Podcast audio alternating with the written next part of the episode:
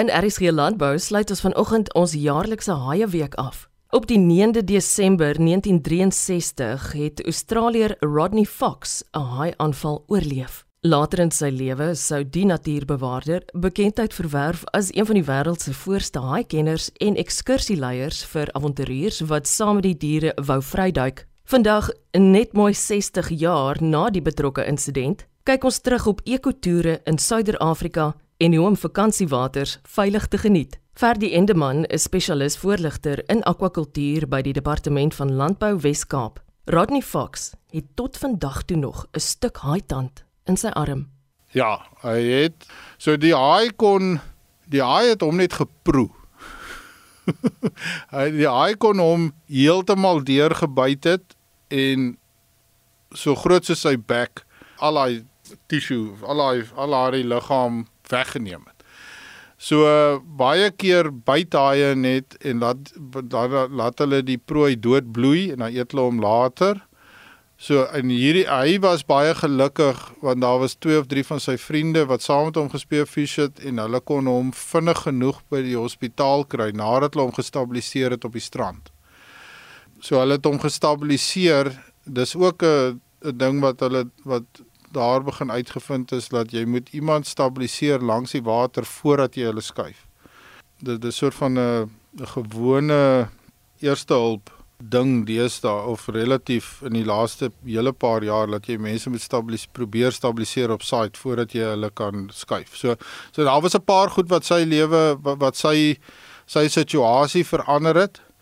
Ehm um, dit was vir hom baie moeilik om weer terug te klim in die water en weer te gaan begin visskiet of in sy werk moes hy met perlemoenduik op. Hulle doen dit op 'n uh, uh, met 'n kompressor wat jy dan afgaan so met ander woorde 'n pyp nie op scuba nie.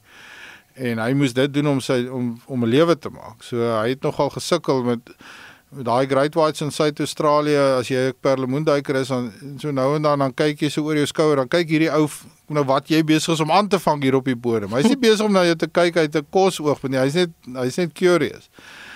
So so Rodney sy lewe, dit het sy lewe heeltemal verander want hy het toe begin om om duikcharters en basies ekotourisme te doen vir 'n lewe. En spesifiek het hy begin belangstel in haie.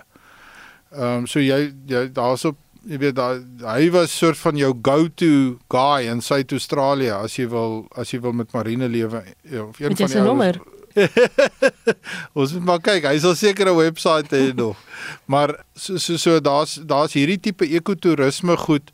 Ek sien byvoorbeeld met die met die Sardinrand is daar mense wat wat jy jy betaal en jy gaan saam met hulle al langs die kus op saam met die sardientjies um, om dan nou al hierdie interaksie met die voëls en die al die goed nie duik saam met hulle ensovoorts. So daar's ons hierdie absolute amazing goed wat in die natuur gebeur wat mense, jy weet, kan meemaak.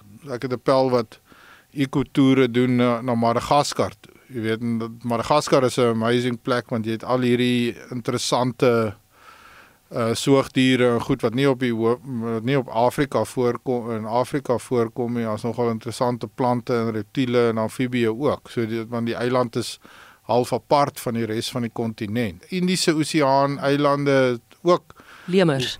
Lemers. Prosimian. Nou hande soos ape, maar gesigte is meer soos 'n soos 'n hond.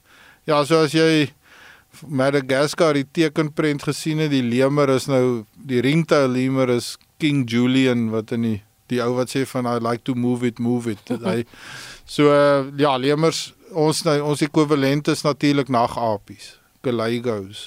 So uh, in die, op Afrika kontinent.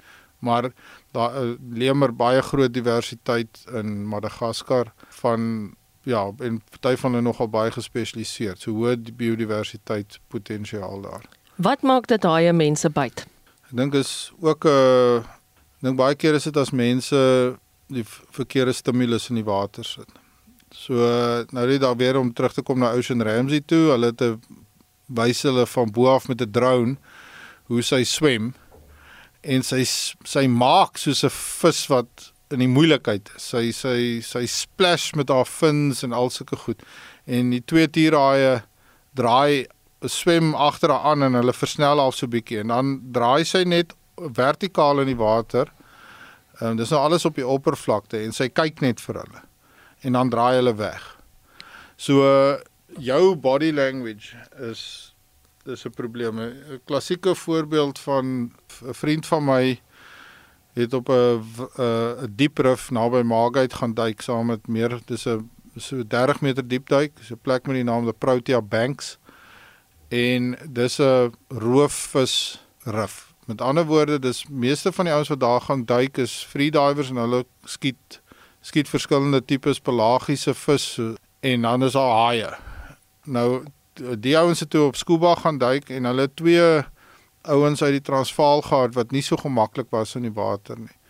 En wat interessant was is so die die die Natalse duikers baie rustiger, minder met hulle hande beweeg en hulle hulle trim in die water, met ander woorde hoe hulle geswem het is meer streamline.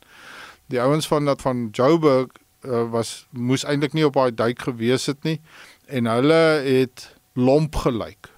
En wat interessant was is deur die hele duik is daar 4 of 5 Zambesi haie wat die groep gesirkel het. Hulle kyk net, hulle kom hulle is nie laat hulle jou gaan aanval nie. Hulle kyk kom swem maar net rond en want jy lyk mos nou soos 'n alien, jy weet met al hierdie borrels wat jy asemhaal en al sulke goed. Maar wat interessant was is nou aan die einde van die duik doen jy 'n 5 meter safety stop. En daai twee duikers wat nie so goed wat nie so goeie kontrole gehad het nie, toe begin die res van die groep sit presies mooi op 5 meter, maar die twee ouens wat so bietjie lomp is, sit toe hulle sit so op 7 meter en hulle begin so afsak na 8 meter toe. En die my pel wat die dive master was sê hy kon sien hoe die haie begin fokus op daai twee swakkelinge.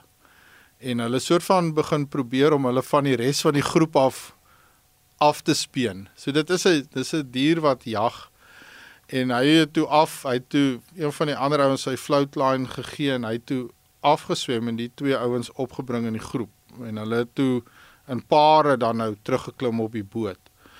So ek dink baie keer is haai aanvalle mense wat lomp is in die water. Dan partykeer as hulle op oor rotse gaan sny hulle hulle voete en so aan, so hulle sit nog bloed in die water ook. En dan mense wat gaan swem op tye wanneer haie meer aktief is, soos vroegoggend of laat later in die aand en natuurlik in die, op die Natalse kus wanneer jy in die somer vloede het en die water is bruin. So dan het jy dan werk hy hy nie op sig nie, hy werk op elektroniese pulses en sulke soort van goed en dan kan hy jou ook miskien uh bietjie vir iets anderster aansien. So uh, Ja, dis maar 'n kwessie van dat ek dink maar baie mense is maar bietjie bietjie lomp in die water. Maar ehm um, ek dink ook as al ek het al baie video klips gesien van hoe baie haie swem agter die backline rond en ons op groot strande en mense sien hulle nie eers nie en daar's geen probleme nie. So uh, Dis nou die ding, ek wil nie hê mense moet nou inskakel op ons program vanoggend en gespanne wees nie. Jy weet, en hier gesels ons nou met 'n kenner en ons bevestig daar is nie rede nie. Ja, ek weet nou nie van 'n kenner nie, maar wat ek wel kan sê is dat ek ek ek dink die ek ek dink die die die slegte hype wat haie kry is nie is nie noodwendig gediend nie. En dit is nogal moeilik om hulle toe ek 'n duikinstrukteur was, was dit nogal moeilik om haie te sien as jy op scuba is. Dis hoekom daar 'n groot toerisme aantreklikheid is op Allowal Shoal naby om Komas waar die mense met die skeertand haai of ragged sharks duik en dis 'n wêreldbekende plek want dis een van die min plekke waar jy waar jy gereeld haie sien.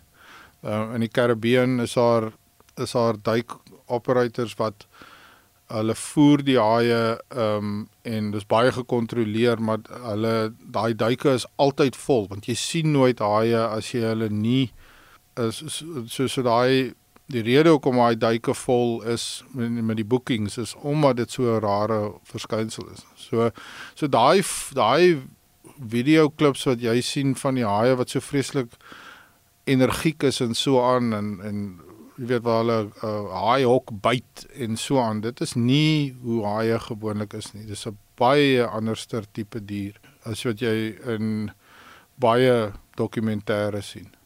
Die voortplanting van haie is ook baie misterieus.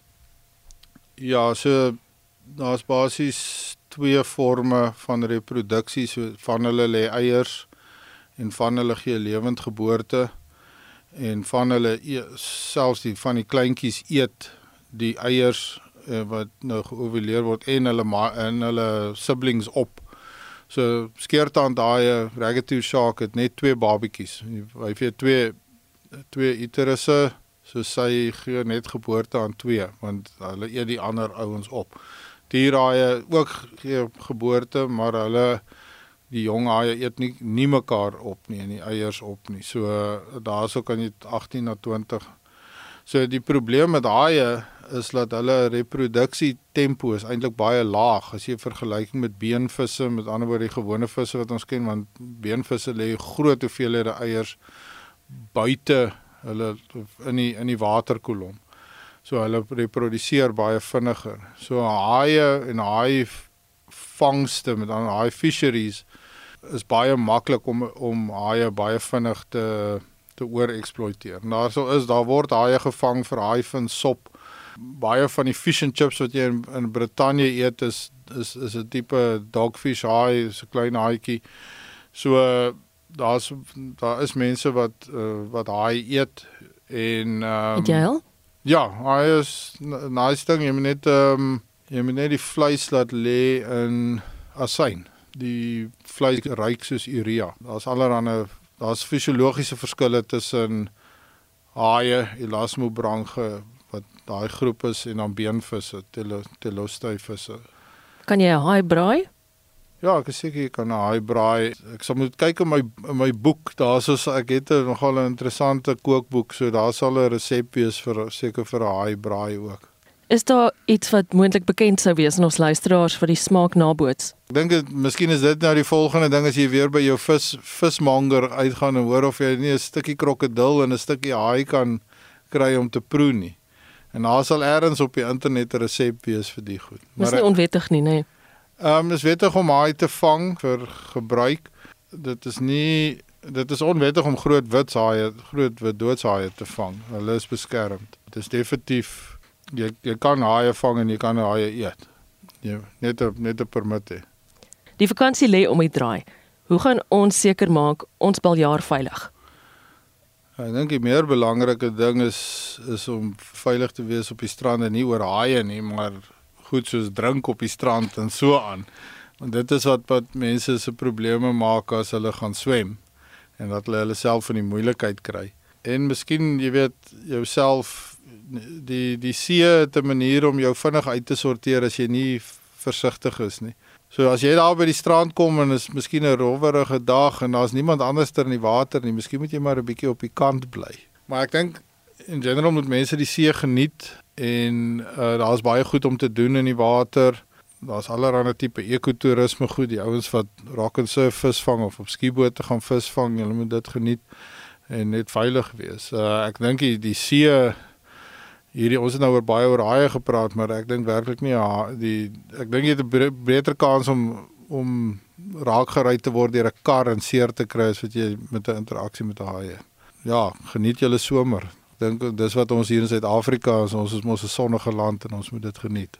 Spesialis voorligter in akwakultuur by die Departement van Landbou Wes-Kaap, Ferdi Endeman. Mag ons in die komende vakansieseisoen die fabelagtige wesens in die dieptes van ons oseane opnuut met belangstelling ondersoek en diere geken aan dorsale vinne bewonder, eerder as om vir hulle bang te wees. So met die wete dat ek en jy 'n bewaringsverantwoordelikheid het teenoor stemlose wesens in die lug, op aarde en onder water. Baie dankie dat jy saamgekuier het vanoggend. Ek is Eloise Pretorius. Totsiens.